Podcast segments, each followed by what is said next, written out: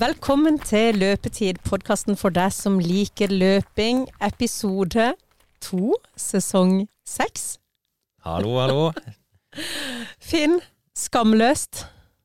Ja, det- når jeg så når vi spilte inn sist, så følte jeg på skam når vi nå skriver Jeg vet ikke, 5. april. Ja. Og sist var ca. samme dag i februar, så har vi gitt ut for lite. Da har vi vært for lite på podden. ja. Det har, vi, vi har jo hatt en tendens den siste tida til å begynne med en unnskyldning for hvorfor vi ikke har spilt inn, og forklart livene våre. Eh, sånn at vi trenger jo ikke å gjøre det hver eneste gang. Men eh, nå er vi her i hvert fall.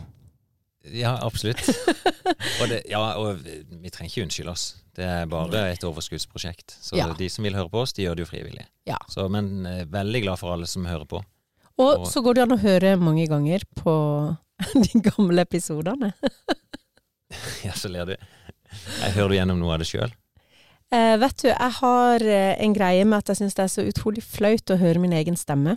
Eh, sånn at eh, Mm, ja. jeg blir så Jeg syns det er så ubehagelig å høre at jeg sier så mye teite ting. At jeg blir helt sånn der Åh, hvorfor må jeg snakke om det? Så jeg blir sånn kjempekritisk til meg sjøl. Så derfor så velger jeg å ikke høre på det for å ikke liksom begynne å sensurere meg og sånn. ja, ok. Så det er egentlig så er jeg dårlig på det, men jeg vet jo om en hjemme som hører. Så av og til så hører jeg liksom at han holder Jeg hører min stemme rundt i huset, Ja, ja. og det er veldig rart. Men jeg blir alltid veldig glad når jeg møter folk som hører podkasten. Og jeg holder på å ta et studie i Drammen. Og så hadde vi eh, et, eh, en samling da. Så begynte å prate med meg, og så sier hun du, er det du som har eh, løpetid? Podkast. Ei jente fra Bergen som hører på podkasten vår, og da ble jeg veldig glad. Og på søndag så var Julia og meg på vår faste løpetur, Mhm. og da møtte jeg en som satt på en benk, og så spør jeg han om det var veldig tøft å løpe opp en bakke. Og så han sa eh, nei, men jeg har jo stemmen din på øret mitt her. Det er jo hyggelig. Så dere er jo der ute, og eh, det gleder meg veldig. At vi fortsatt har noen lyttere, og at eh, det er entusiasme for at vi skal lage nye episoder. Ja, og nå er løpinga virkelig på vei tilbake igjen. Det ene fordi det er våren, og så er vi ferdig med covid. Ja. Så, Men covid har jo egentlig vært en sånn eh, todeling i forhold til løping, for jeg tror det har fått mange til å løpe også, som ikke løp før. ja, det jeg ser hos oss er at miljøet er blitt litt fragmentert, men kanskje at det er flere som springer eh, enten alene da, eller i par. Mm. Det kan tenkes. Men eh, vi, vi er slitt litt sånn på fellesskapet. Men det er i ferd med å komme tilbake. Mm. Og våren er jo spesiell. Ja, jo- spesielt god, ja. Ja. Ja, det er det. Det er den beste tida. Det er jo noe helt sånn Man ser jo at folk løper på en annen måte. Sånn Hvis du sammenligner en som løper liksom i stiv kuling i januar, og en som løper nå i april. Mm. Det kan være stiv kuling i april òg. Men de, du løper på en annen måte. Jeg fikk oppleve det i går. Jeg fikk både motvind og medvind. Ok? Ja, jeg, kan ta, jeg er på vei mot Boston Marathon, så nå er det to uker igjen. Så nå er det de siste eh, harde, vonde øktene som en bare må gjennom. Mm. Eh, jeg vet jo litt hva som skal til, og ja, i går var ei sånn type økt. Mm. Er den spesielt lang, eller er han spesielt hard? Nei, det, for å forberede til maraton, så må du jo gjøre noen økter som minner om det du skal gjøre. Så da springer jeg, sånn som i går, ei økt som var 23 km lang. Og pluss minus maratonfart, da. som for min del syns jeg er ganske fort.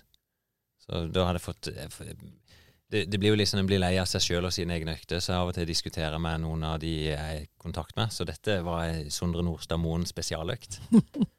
Så jeg ga han oppgaven da, til å prøve å sette opp ei, ei økt 14 dager før maraton. Eh, Og den er altså veldig enkelt. Springer fire kilometer, to kilometer, tre kilometer, og så tilbake igjen. Tre kilometer, to kilometer, fire kilometer. Mm. Og så er pausen eh, sånn at du springer én kilometer sånn halvfort. Mm. Så da ligger jeg på oversatte kilometer i timen da, fra pausefart på 14,5 kanskje, og så er jeg oppe i kanskje 17 km i timen på de forte dragene. Men dette er ute, ikke inne. Det er ute. Ja, Mm. det er ikke så greit å forberede seg på ei mølle til et maratonløp. Du kan gjøre de intense øktene, men akkurat når du skal ut, så noe av det handler om å banke beina. Ja, for jeg husker en gang da du skulle til New York, og jeg så deg på en sånn en eh, mølleøkt Ja, før. ja du har sett at jeg hvor du litt spøy, og du var så sint og helt svart i blikket. Jeg skulle jo i hvert fall ikke snakke mens du holdt på. Jeg vet ikke om jeg kan kalle det sint, men eh, jeg blir veldig fokusert. Mm. Og det er litt sånn som i går. Jeg, jeg trodde aldri jeg var i stand til å gå gjennom ei sånn økt alene. Men Mm. det var jo det jeg sa. Det var veldig bra med vind i går, opp til 15 sekundmeter. Og jeg hadde valgt en trasé som gjenger bare fra byen og så oppover dalen. Mm. Så da fikk jeg fem kilometer bare med vind rett imot. Og det var tøft. Ja. Men desto lettere når jeg snudde. Å ja, for da skulle jeg si at når du snudde, så snudde vinden. Nei, nei, nei. Det var helt fantastisk. Og så Mm. snudde jeg jo igjen, for jeg skulle jo springe over 20 km. Så da måtte jeg to ganger opp og ned. Så jeg fikk prøve begge deler. Men når du holder på med det, Mm. eh, spør du deg sjøl av og til, Finn, hvorfor gjør jeg dette? Jeg er en mann i min beste alder.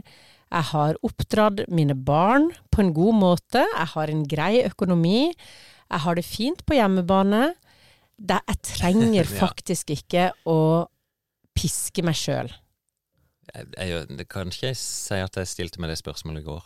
Men, men jeg, flere ganger så begynner jeg liksom å, å, å leie etter unnskyldninger for å stoppe. Mm. At eh, nei, det blåser for mye, eller gjør det ikke litt vondt, eller jeg Mm. kjenner litt i en hemstrings her nå. Mm. Men så er det for mye av det at jeg vil prøve å lykkes på dette maratonløpet, som bare liksom trekker meg fram. Mm. Og ikke minst da forpliktelsen at Sondre lagde økta. Da har ikke jeg lyst til å komme tilbake og si vet du hva, jeg, jeg kutter bare halvveis. Mm. Det er liksom å, å gjøre skam på den som har gitt deg utfordringer. Da. Ja.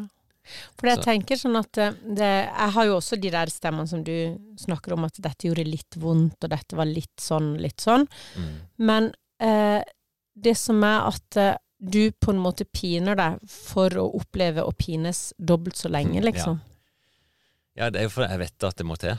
Så Mm. inni hodet mitt hele tida så er det jo på vei mot dette maratonløpet. At Mm. jeg må bare få gjennomført dette. Men Mm. Jeg gruer meg i forkant, altså. Og jeg måtte betale prisen i går kveld. Da Du kan jo fortelle hva han eh, eh, tomatkompanjongen din sa til deg. Ja, vi driver, vi, vi driver jo med et konsept nå som heter Tomatgutta, der vi lager verdens beste tomater. Så jeg var borte i drivhuset rett etter økta, og han lurte på om jeg hadde drukket. jeg var full. Jeg var helt på tur. Ja. Ja, Nei. for det er jo å gå helt i kjelleren. Det var ja, ja, det var det. Uh, ikke som et løp, det er, men det blir så utmattende. Uh, Mm. liksom, som du tømmer kroppen helt. Så da var det bare å kjøpe sjokomelk på butikken. Jeg, litt sånn dumt av meg. Det er nok ikke noe jeg anbefaler folk å bare gjøre dette. Jeg gjorde det rett etter jobb. Bare dunka ut uten å ha med verken drikke eller noe energi. Eh, og når jeg kom tilbake, så var jeg på kontoret, og der hadde jeg jo ikke noe annet enn vann. Så da var det liksom bare å få kjørt til butikken og kjøpe en sjokomelk. Mm. Og så dunke ned i sofaen etterpå. Ja. Mm. Men eh, så gjør du den økta, og så er du eh, oppi da. Ja. Og så skal du gjøre den igjen. Ingen flere sånne økter. Nei. nei. det er bonusen. Nei, faktisk, når jeg kjørte på vei til jobb i dag, så sendte jeg ut melding til flere stykk om de skulle være med og løpe i lunsjen. Mm. Nå ser jeg at det blir ikke tid til det. Jeg hadde glemt noen møter, men um, Nei, nå er maratontreninga i praksis ferdig. Så nå er det to uker igjen, og nå skal jeg bare begynne å trappe ned. Ja. Så jeg vil si de siste to ukene så skal det preges av lyst og overskudd. Ja. Selv om det er jo ikke overskudd i dag. Det er jo, kroppen er jo på tur. Ja. Men nei, det blir noen litt kortere intervalløkter. Mm. Noe som kan minne om maratonfart, men ikke noe lang økte som utmagrer meg. Men hvis noen som hører på dette, da, for dette er eh, Du har et eh, liksom regime da, for å få til dette her, og du har gode folk rundt deg. Du, Mm. du ringer til en av verdens beste løpere og spør om ei økt, liksom. Eh, hvis det sitter en da som har eh, meldt seg på et litt skjelvent, meldt seg på et maraton og ikke får til disse opptrappingene og sånn, er det uforsvarlig å stille til start? Nei da, du, du kommer det alltid gjennom. Jeg ser jo alltid både Ja, Tande P har jo gjennomført maraton. Ja, det sier du til meg hver gang. Ja. Oprah Winfrey har jo løpt maraton. Men det tar jo lang tid, og det gjør jo vondt. Mm. Og motivasjonen må jo være at jo, hvis du gjør de forberedende øktene, så eh, blir altså maratonopplevelsen blir veldig, veldig mye bedre. Mm. Men så i sum, da, så kan det godt være at du påfører kroppen i sum mer smerte og vondt med å gjennomføre disse øktene òg. Mm. Men jo, jeg gjør maratontreninga ganske brutal, altså ganske kort periode som jeg bare øker opp i fart, eller øker opp i mengde. Eh, gjør disse øktene ganske tett. Eh, hvis du porsjonerer det ut, følger en litt mer langsiktig plan, så, så vil du ikke oppleve dette som så ille. Mm. Så vi har, den, vi har en egen maratongjeng i klubben hos oss som på et vis er i konstant maratonforberedelse. De opplever ikke at det å springe tre mil er så drøyt. Nei. Men for meg som gjør det så sjelden, så er akkurat denne fasen litt tøff, syns jeg. Og, men sånn Det var Jack White som ga meg egentlig det enkle rådet første gang jeg skulle springe i maraton, at eh, sørg for å ha tre lange turer over tre mil, og så i tillegg tre turer som er i ca. maratonfart, på eh, halvmaraton pluss. Så hvis du får gjort de seks øktene, så er du egentlig good to go. Mm. Og så lønner det seg å gjøre noe mer, men jeg vet, når jeg har gjort disse, jeg har vel gjort fire av hver, og da vet jeg at jeg, jeg skal komme greit gjennom. Ja. Boston er det, Jeg lurer på om det er det maratonet som har vært holdt lengst, da, som fortsatt eh, drives i dag. Starta i 1896, tror jeg det var. Um, det er et ATB-løp, altså blir bussa ut, og så springer du bare tilbake igjen. Uh, og så vet du at det er ikke ei godkjent løype. Altså, det blir ikke en rekord hvis du setter rekorder, for det at eh, du, du kan ikke ha mer enn halve distansen mellom start og mål. Så verdens lengste og mest liksom myteomspunne løp er ikke et godkjent løp? Nei. Så de satte jo verdensrekord der for noen år siden. Um, det var vel mens verdensrekorden var 2.04. Og det er jo hard løype. Veldig Mm. kupert. Um, men det var ikke jeg, Sikkert noen har tenkt på det, men han som satte verdensrekord i løypa, riktignok med stiv kuling i ryggen, så det var jo derfor det gikk fryktelig fort. Blant annet, i hvert fall derfor. Så, så fikk han jo ikke den godkjent. Ja. Og det at det gikk fra A til B. Og så I tillegg så er det for med fall i løypa. Så selv om løypa er tøff, med, som er veldig kupert, så er eh, Hvis du skal ha et godkjent løp, da, så kan du makse én meter høydeforskjell per kilometer. Hvem har bestemt disse tingene? Nei. Det er Internasjonalt friidrettsforbundet som sier at det er noen regler da som må være oppfylt for at en rekord skal være Mhm. godkjent. Det ville vært litt rart hvis du tok eh, en rekord i ei utforbakkeløype Mm. i medvind. Ja, men hvis du må snu og så løper den opp igjen? Ja, det kan du gjøre. Ja, Det er ikke noe problem. Men høydeforskjellen mellom oh, ja. start og mål Ok. Ja. Ja, for det jeg tenker jo at eh, Det er liksom litt sånn der du har gjort alt du kan, og så liksom sånn der eh, For å oppnå en premie, og så bare eh, Nei, du får ikke premien allikevel. Det er litt kjipt.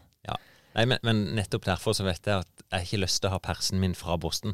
Nei. Og det vil alltid være ei lita sånn stjerne bak. Mm. Å ja, selvfølgelig. Det var jo bare Boston.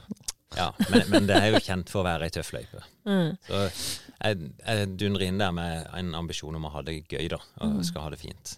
Men sånn som for meg, når du sa Boston, at du skulle løpe Boston, så det, sånn, i en sånn derre lekeløpers hode, så ble jeg sånn Hæ, å, du må ikke ut Boston, det er jo der det var sånn der terrorhandling.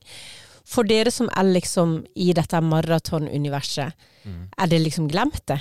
Er ikke det noe Ja. som man tenker på Når du tenker Boston Marathon, så tenker du ikke på den hendelsen? Nei, jeg gjør ikke det. Nei. Jeg har vært der og vært på målstreken. Jeg, jeg, jeg klarer ikke å forbinde det med det. Nei. Um, det vil jo alltid skje ting rundt i verden med galskap, og det verden går videre. Ja, sannsynligheten Så- for at det skjer to steder, to sånne hendelser på samme sted, er jo veldig liten, men det har noe med den der Det du på en måte konnotasjonen, den Eller det du assosierer løpet med, da. Mm. At eh, det blir liksom Det henger ved. Ja, jeg, hvis jeg tenker på det, så tenker jeg jo alltid at sikkerheten vil være i hvert fall Mm. høyest i sånne løp der de har opplevd noe ting før. Mm. Tror du det er noen sånn minnesmarkering for Nei, det aner jeg ikke. Det var jo ikke sånn at det var et folkemord, nei. Det var riktignok noen det var, jeg, husker ikke det var én eller to som døde, men mange som ble skadd. mm. Men um, ja, det er jo Ja. Det, det er i hvert fall ikke noe som jeg tenker på når jeg skal inn i det løpet der. Eller du tenkte ikke i hvert fall på det før vi Nå tok det det. Jeg er jo utdanna i Forsvaret, og det er jo sånn hvis du blir bombardert med granater, så, så er det den tryggeste plassen du kan hive deg, der det er allerede gått en granat. Mm. Ja, ja. da, da skal du bare kun løpe i målområdet. ja. Nei, jeg gleder meg. Dette er jo andre påskedag, eh, så en fridag i USA. Og da mm, I hvert fall er jeg blitt fortalt da, at det er en sånn typisk familiedag der mange sitter langs løypa. Mm.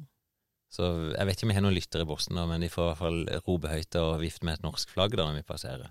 Ja, og så må du jo Så- du i hvert fall ha lykke, lykke til, og at du får en positiv opplevelse av det uansett. Ja, det kan jeg nesten Hvor, garantere. eh, ja. Jeg skal prøve å dra med meg litt på det og, og se om vi klarer å få med litt av stemninga. Mm. Uh, I hvert fall på vei inn. Uh, vi er en liten gjeng fra Kristiansand, og når jeg snakka med Sondre Han skal òg øve og representere for eh, Puma, så vi Ja. treffer han. Mm. Så får han fasit om den uh, superøkta som han ga meg, om det ga resultat. Men når du sier om Sondre og Puma, har han fått bestemt seg for skolen nå, da? For det hadde det vært så mye fram og tilbake. Det er Puma. Ja. Puma var jo sånn det Jeg husker jeg er jo sånn eh, eh, 80-tallsbarn, da. Så Puma det var jo sånn skatesko på min tid. Ja. Det var liksom det skaterne brukte. Jeg husker Nike, det var jo basketsko som virkelig dro de opp, Mm. med Air Jordan. Mm. Så nei, det er, det er mange skoprodusenter som er virkelig steppa opp nå etter at Nike eh, dro ifra med disse eh, karbonskoene for noen Mm. år siden. Så nå er de fleste leverandørene leverer kjempegode sko nå. Mm. Men nå som vi er inne på sånn eh, treningstøy og greier, så kan vi jo ta en sånn elegant overgang. For du, da du var på vei inn i studio, så drev du og snakka om noe sånn treningsklubbtøy. Ja, vi har fått bestilt nytt klubbtøy, Mm. så vi bytta leverandører i år. Eh, Så nå bruker vi Trimtex, lokal leverandør her fra Lillesand. Um, Veldig god kvalitet, og det kom i posten i går. Så jeg får meldinger fra fjern og nær der de har tatt på seg dette. Mm. Så, og det er jo viktig. Altså uniformering føler at du tilhører et fellesskap. da. Ja, for det, jeg har jo ikke tenkt på det før, da, men etter at eh, jeg ble kjent med deg og dette med løpeklubben og sånn, så legger jeg jo spesielt merke til disse lilla jakkene Ja. som eh, løper rundt i Kristiansand. De er jo alt. Du er de, og så er du T-skjortene til sommerløpet ser jo absolutt overalt. Men det er liksom litt sånn det, det er, Du ser jo at det er litt mer folkelig. Ja, ja det, det kan jeg se, at det blir litt sånn elitepreg på de. Vi, vi prøvde å gjøre disse litt sånn stilreine i år. At det er nærmest ren lilla, og så bare noe logo med Det er faktisk en løpefot som er i logoen vår, som Ja. blir smørt litt utover tøyet. Ja. Men så har gjort det sort i mageområdet, for at det liksom det Skal se litt flatterende ut. Ja. Ja. Så nei, nei men det, det, det er viktig å ha godt tøy. Altså det å føle seg vel når du skal ut og trene, det tror jeg. Selv om Ja. jeg, det er ikke, det er ikke det som jeg tenker mest på når jeg hiver på meg tøy for trening, altså. Det, det må være bra. Det må kjennes bra ut å springe det er viktig. Mm. Ja, for jeg har jo, jeg har jo sett deg ting som jeg lurer på hva i all verden er det du har kledd deg i nå, liksom, når du skal løpe. Nei, det var dette jeg fant, og så er det et eller annet som ser ut som du skal på karneval. Mm. Men du lærte meg én ting som jeg tenker på veldig mye. For jeg er en person som bruker veldig lite budsjett på treningstøy. Mm. Eh, så tenker jeg alltid at én gang skal jeg se skikkelig bra ut, men jeg gidder ikke, liksom. Men du sa til meg ja, men Ana, du skal jo ikke se bra ut på trening, det er jo etter trening du skal se bra ut. Og det er egentlig veldig smart sagt. Ja. Jeg husker Eh, ikke at jeg sa det, men, men det var smart sagt, ja. Ja, og det tror jeg er veldig lurt. Spesielt mange damer kan henge seg opp i sånne ting med tights og riktig jakke og riktig ditten og datten og sånn. Og det å på en måte bare liksom drite litt i det, da. Eh, Mm. Gå ut og trene, og ikke være så opphengt i frisyre og sminke og om ting sitter der det skal og sånn. Få trent. Kom hjem, ta deg en dusj og fresh deg opp etterpå. Det, ja, det er jo nummer én, to og tre, det. Altså, Kom deg ut. Eller, gjør, gjør den jobben. Det er jo det som er viktig. Ja. Men, men jeg tror jo det å Jeg ser jo av og til når jeg har sånne kurs, at det, liksom, det hjelper ikke noe selvfølgelig å, å ha flott tøy, men det, hvis det hjelper motivasjonen, ja, gjør det, da. Hvis Ja. det er liksom en driver for det. Mm. Men det har gått litt sånn inflasjon. Det er så sykt dyrt. Ja, ja, det Og du får liksom aldri nok. Det, det er liksom De skal pakke på deg så sykt mye greier for at du liksom skal ha den optimale løpeturen. Ja. Og det er jo tull. Jeg, jeg ser litt sånn hva er det jeg bruker sjøl. Nesten gjennom hele vinteren så er det en supertrøye og så ei vindjakke. Enten ei som er veldig lett hvis det er varmt, eller som er litt tjukkere hvis det blir kaldt. Mm. Og så er det lue og vante. Og så jeg pleier å springe i shorts, syns det er greit, men de fleste bruker tights, da. Mm. Og det funker. ja, du løper jo i Det- shorts når de fleste går med boblebukse. Ja, jeg vet ikke, for det jeg har alltid likt det. Mm. Men ja, for min del så kan det være litt utfordrende hvis jeg trener to økter. Eh, Det er ikke noe gøy å springe i det samme tøyet som du brukte på forrige økt. I hvert fall ikke hvis det fortsatt er blaut. Ja, og du svetter jo noe helt vanvittig. ja, ja, jeg Sånn at jeg kan jo henge opp etter de der rolige turene mine, så kan jo jeg henge det opp og så ta det på meg igjen Ja. neste tur. Ja, jeg, jeg, når jeg har vært i Kenya, så gjør jeg jo det. Mm. Um, det er nesten rart. Når tøyet henger ute, så da trekker du ikke med deg den lukta på samme vis. Mens hvis du har det hengende i hvert fall hvis det ligger i en bag, så er det jo helt grusomt. Det husker jeg en gang i bilen din at eh, du hadde Vi skulle spille inn uh, podkast der. Så hadde du en Og jeg kjente deg ikke så godt da, så jeg turte liksom ikke å si Det lukta så vondt. Jeg trodde jeg skulle klikke. Jeg ble ukonsentrert av lukta i bilen din. Og så sa du når vi var helt ferdige, så «Øh, Jeg tror jeg har glemt en treningsbag her et sted. Det, det kan skje. Ja, det høres jo ikke bra ut. Nei, jeg har jo noen døtre som klager av og til på uh, at jeg kan ha glemt ting i bilen. Jeg, jeg kjenner jo det sjøl når jeg kommer inn, hvis det er sånn. Hvis det, nå er det helt rent og fint, i hvert fall. Akkurat nå. Men det er klart, sånn som nå er når vi driver med disse tomatene, og vi gjødsler jo. Og det er jo organisk gjødsling som er Altså, Ja, bæsj. det er det. Og det, når vi labber inn og ut av den bilen, så det er jo ikke til å unngå at det kan lukte fjøs. Og svett treningstøy. Det ser jo Det ut som som i et dårlig bilde. det er dårlig reklame her. Nei, men eh, i hvert fall så eh, Det ser veldig fresht ut med nytt og fint treningstøy, men det er ikke det som skal få deg ut. Nei, det er ikke det. Eh, men nå til eh, Vi har jo egentlig så sykt mye å snakke om, siden ikke vi har snakka sammen på lenge. Men siste episode så hadde vi, og rett før jul i, i sesong fem, så snakka vi jo om Steven. Han- Steven. Steffen. Steffen, ja. Ja. Han forvirrer Eh, meg litt med skrivemåten, for ja, det, det staves jo S-T-E-P-H. Ja, for når jeg ser det, så tenker jeg Steven, men han heter jo Steffen. Ja. Mm. Steffen. Eh, og han eh, gjorde jo en formidabel eh, jobb før jul, Absolutt. og nå har det gått eh, mange måneder. Og hva kan du fortelle om Steffen og hans eh, løpeentusiasme? Ja, ja, han er foreløpig, kan vi si, da, en suksesshistorie. Jeg, jeg sa jo på forhånd at jeg kunne hjelpe han fram til jul, eh, og det blir jo litt sånn, ikke for han så blir dette altoppslukende. Og jeg skal ikke si kreve mye tid, men det blir en sånn daglig interaksjon der han har lyst til å fortelle hva han har gjort, og, og det er noe måten jeg må jobbe med på de som skal opp og fram, at du, du må være i dialog med dem. Mens etter jul så har jeg sagt at da må han egentlig klare seg mer sjøl, at jeg kan komme med noen tips. og um, så gikk han på en liten dupp. Uh, jeg lurer på om det var et par uker som ikke han trente. Uh, tok han seg sjøl i det at nå går jo dette feil veien. Eh, og så snudde han, og så begynte han å komme på våre fellestreninger. Han har jo sett at vi holdt på der. Vi har testa han rett før noen av våre økter, eller faktisk i vår økt. Så selv om ikke sant, det er ganske stort sprang fra våre dårligste, som kanskje springer en 10 km på 50 minutter, så springer han på én time og ja, fem, da, kanskje. Men han har funnet sin dynamikk i det. Han opplever fellesskap og trening, og har vært nå ja, mer eller mindre fast to økter i uka. Og ja, jeg var veldig sånn gledelig for et par-tre uker siden. Da hadde jeg med seg en kamerat som litt sånn i samme kategori, som er opp og ned av form. Eh, så sprang de sammen, Ja. og utgjorde si gruppe der.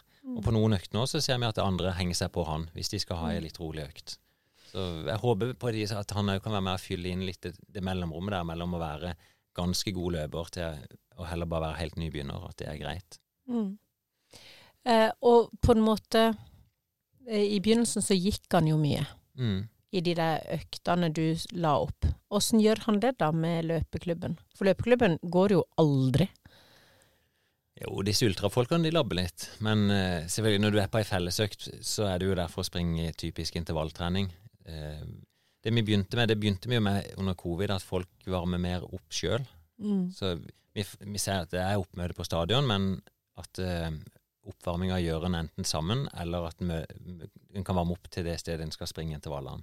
Så hvis det er på stadion, så springer folk ofte bare rundt og rundt der. Og da er jo bare han å varme opp der. Han labber Mm. litt og jogger litt. Hvis vi skal ut av stadion, så forflytter han seg den veien, da. Mm. Så det funker, det. Mm. Det er jo ofte en utfordring, det å varme opp sammen uansett. For det som er veldig rolig jogg for meg, er kanskje konkurransefarta til noen av de andre. Mm. Men til meg så har du jo sagt det at uh, siden jeg løper så seint, så er det ikke noe poeng i å varme opp, egentlig. At ta den første dragene som oppvarming, sier Du du. kan fint gjøre det. Mm. Så jo høyere nivå du er på, jo viktigere blir det. Ja. Så, ja, og det, en skal ikke legge igjen kreftene sine på oppvarminga. Nei.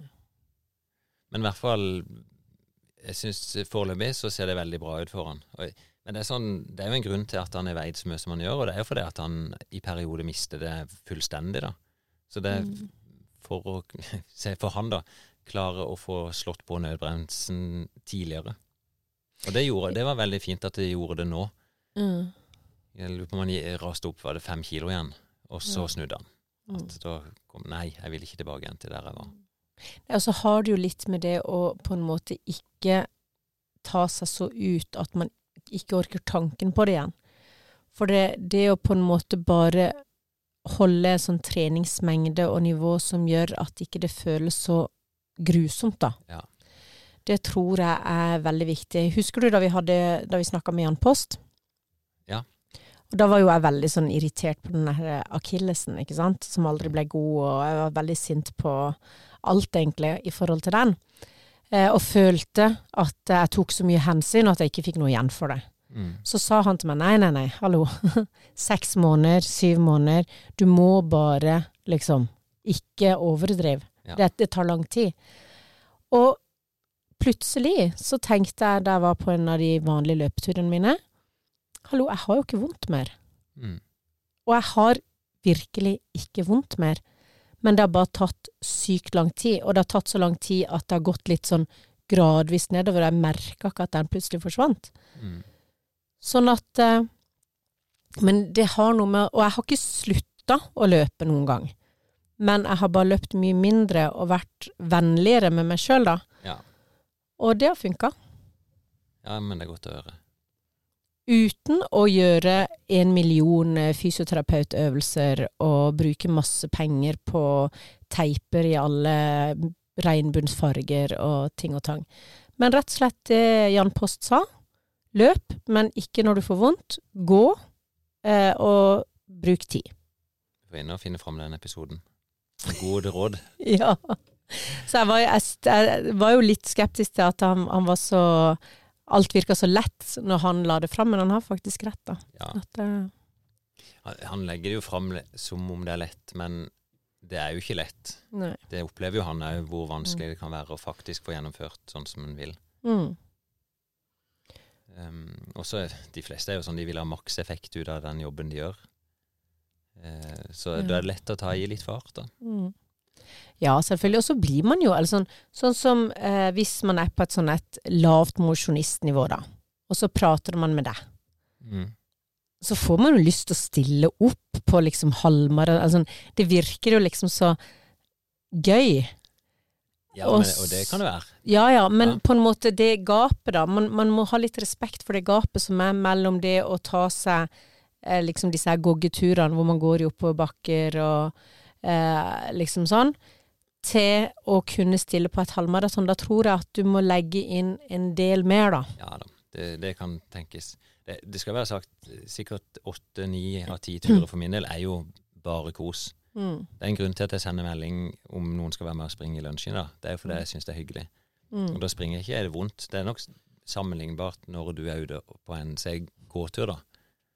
Jeg ropte etter deg. Du var på en av de som du kaller for koseturene dine forbi skolen. Ja. Og så så jeg liksom eh, at du kom sammen med tre kompiser, og så jeg satt rett med døra på skolen, og så åpna jeg døra, og idet jeg tok hodet ut, så var du runda NRK. Nei, jeg springer ikke så fort, da. Eller det vet jeg bare- Ja, det var vanvittig fort. Okay. Men dere prata og lo. Ja. Nei, vi pleier å gjøre det. Og så er det noen økter som en må være litt fokusert da, og Ja. konsentrert. Som Mm. i går. Ja. Da, er det, da har jeg ikke på med musikk eller noen ting. Da er det bare vekk med verden, og så inn i den lille jobben jeg skal gjøre. Så rart. Blir du ikke mer fokusert med noe sånn musikk som trigger deg? Ja, det blir litt bare støy til slutt for meg. Mm. Når, for det er så plagsomt, det jeg holder på med, at det blir bare sånn ekstra støy. Ja. For jeg løper stort sett uten musikk, men jeg merker at jeg løper egentlig raskere de gangene jeg har musikk. Ja, på bare tur alene så gjør jeg det av og til. Enten Mm. musikk, ofte med podkast òg, bare. Mm. Det syns jeg er fint. Mm. flyter tankene litt. Mm. Sånn som denne. Mm. For eksempel.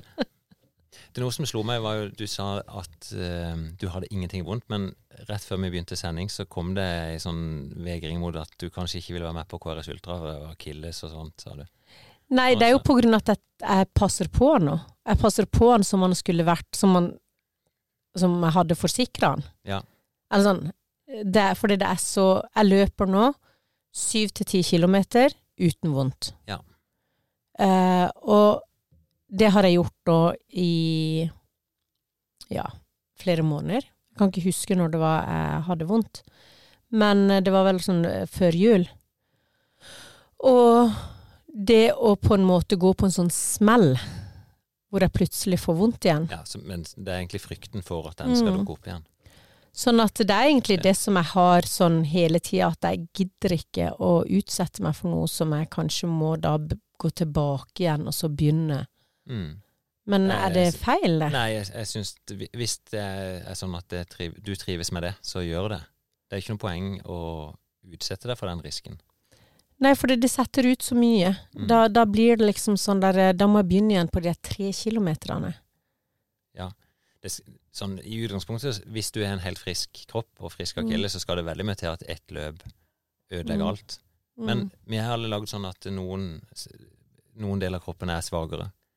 Ja, for jeg har jo fortsatt den klumpen, den fysiske klumpen der. Mm. Men han gjør ikke vondt, da, så da kan han bare få lov til å være. Det er sånn påminner om at du må passe på. Ja, så jeg tror det er jo et eller annet sånn der eh, sted som sikkert blir fort trigga av betennelse. Men jeg vet Mm. ikke. Nei, hold det til kortere. Men du skal ned på ultra, det er i hvert fall Ja. planen. Mm. For nå er det, det er 9. april.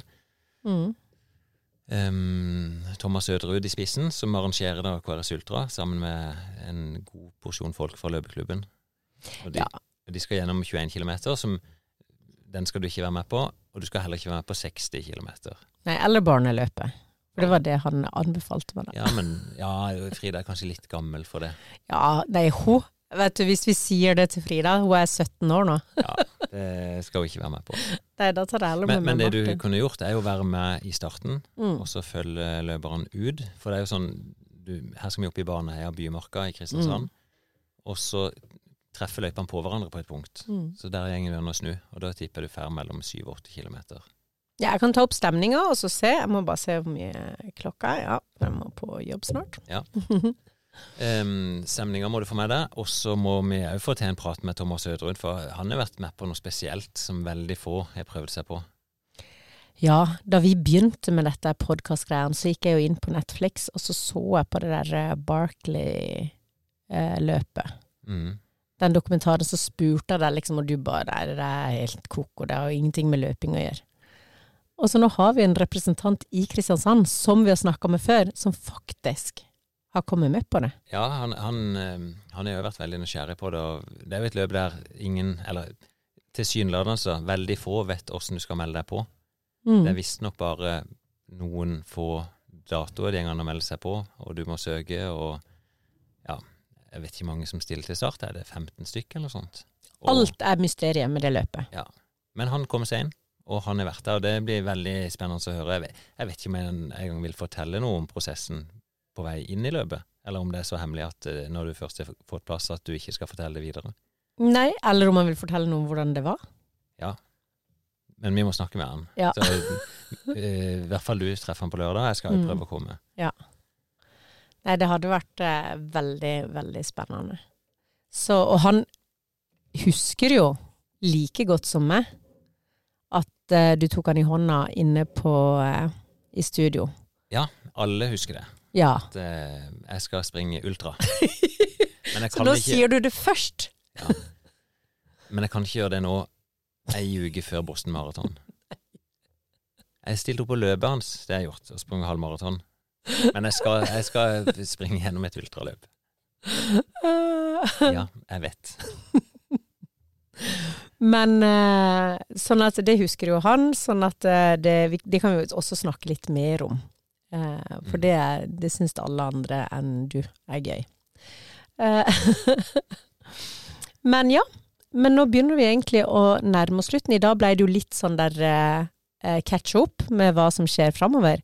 Mm. Og så kan vi jo ha som mål å gå inn i denne sesongen med noen fine løpeturer også. Det må vi gjøre. Eh, også fange stemninga for noen løp. Jeg Mm. syns jo sjøl i hvert fall så er det noen av høydepunktene når jeg hører gjennom episoder sjøl, og kjenner Mm. litt på den brusende stemninga. Og så vet jeg, nå kanskje du er stressa på tida, men vi hadde notert oss nå at du hadde funnet noen løsninger på noen problemer du hadde med kroppen når du starta opp. Ja, for det Jeg har jo eh, Jeg har egentlig lyst til at vi skal gå litt tilbake igjen og snakke litt om disse her tingene for når man begynner å løpe, eller når man skal leite etter denne løpegleden. Jeg har ikke glemt dere som lurer på hvorfor man skal løpe, og som har lyst å løpe og sånn, og som har vondter og greier som setter en stopper. Og jeg har jo sjøl snakka før om at jeg får så vondt i magen, så jeg tulla litt med det. Mm. Men det er ikke tull. Det har vært noe som har eh, vært en, ja, en, en demotivasjonsfaktor. Og det har vært flaut, og det har vært plagsomt. Og eh, det er noe som vi kanskje er litt dårlige til å snakke om, da. Eh, gutter tar det nok litt mer lett hvis de får vondt i magen på en løpetur. Mm. Eh, Joakim er jo en fyr som kompisen din, Ja, ja. som kan gjøre vittigheter ut at han eh, liksom må sette seg ned og drite i hagen til folk på Flekkerøy når han er på et løp. Mm. Men for ei dame så er det nok en del mer eh, skamfullt, eller en del mer sånn kjipe følelser som er knytta til det, da, som gjør at du faktisk lar være å løpe. Mm. Eh, så jeg syns at vi skal snakke litt om det. Nå eller neste gang? Nei, neste gang, for det, nå må jeg på jobb. Men jeg har i hvert fall, eh, etter å ha leita meg gjennom og vært hos legen og styrt mye, så har jeg funnet ting som har fungert for meg, da. Som eh, kan kanskje hjelpe andre. Ja. Til å ikke Ja, miste motet, ikke slutte. For det er jo det som er i hvert fall mitt, min mission med alt dette her. Det er finn måter å løpe på som gjør at du ikke føler at dette er noe jeg ikke kan gjøre fordi jeg har vondt, eller det funker ikke for meg. For det, jeg tror alle kan det på sin måte, da. Ja, og nå vet jo ikke akkurat jeg hva du har funnet ut, men de aller fleste er et eller annet som plager de. Mm. Eh, om det er mage, en akilles, en fot eller et kne eller en rygg. Så ja. Nei, vi skal ta det som et Mm. tema, da. Da blir det neste pod. Mm. Da er jeg tilbake igjen fra Boston. Vi har sannsynligvis hørt litt fra Ultra. Ja. Så kanskje det er noen lyttere der ute som har noen spennende spørsmål. Ja. Eh, og bare send meldinger om oss. Vi har vært litt dårlige på svaret, men vi skal bli bedre.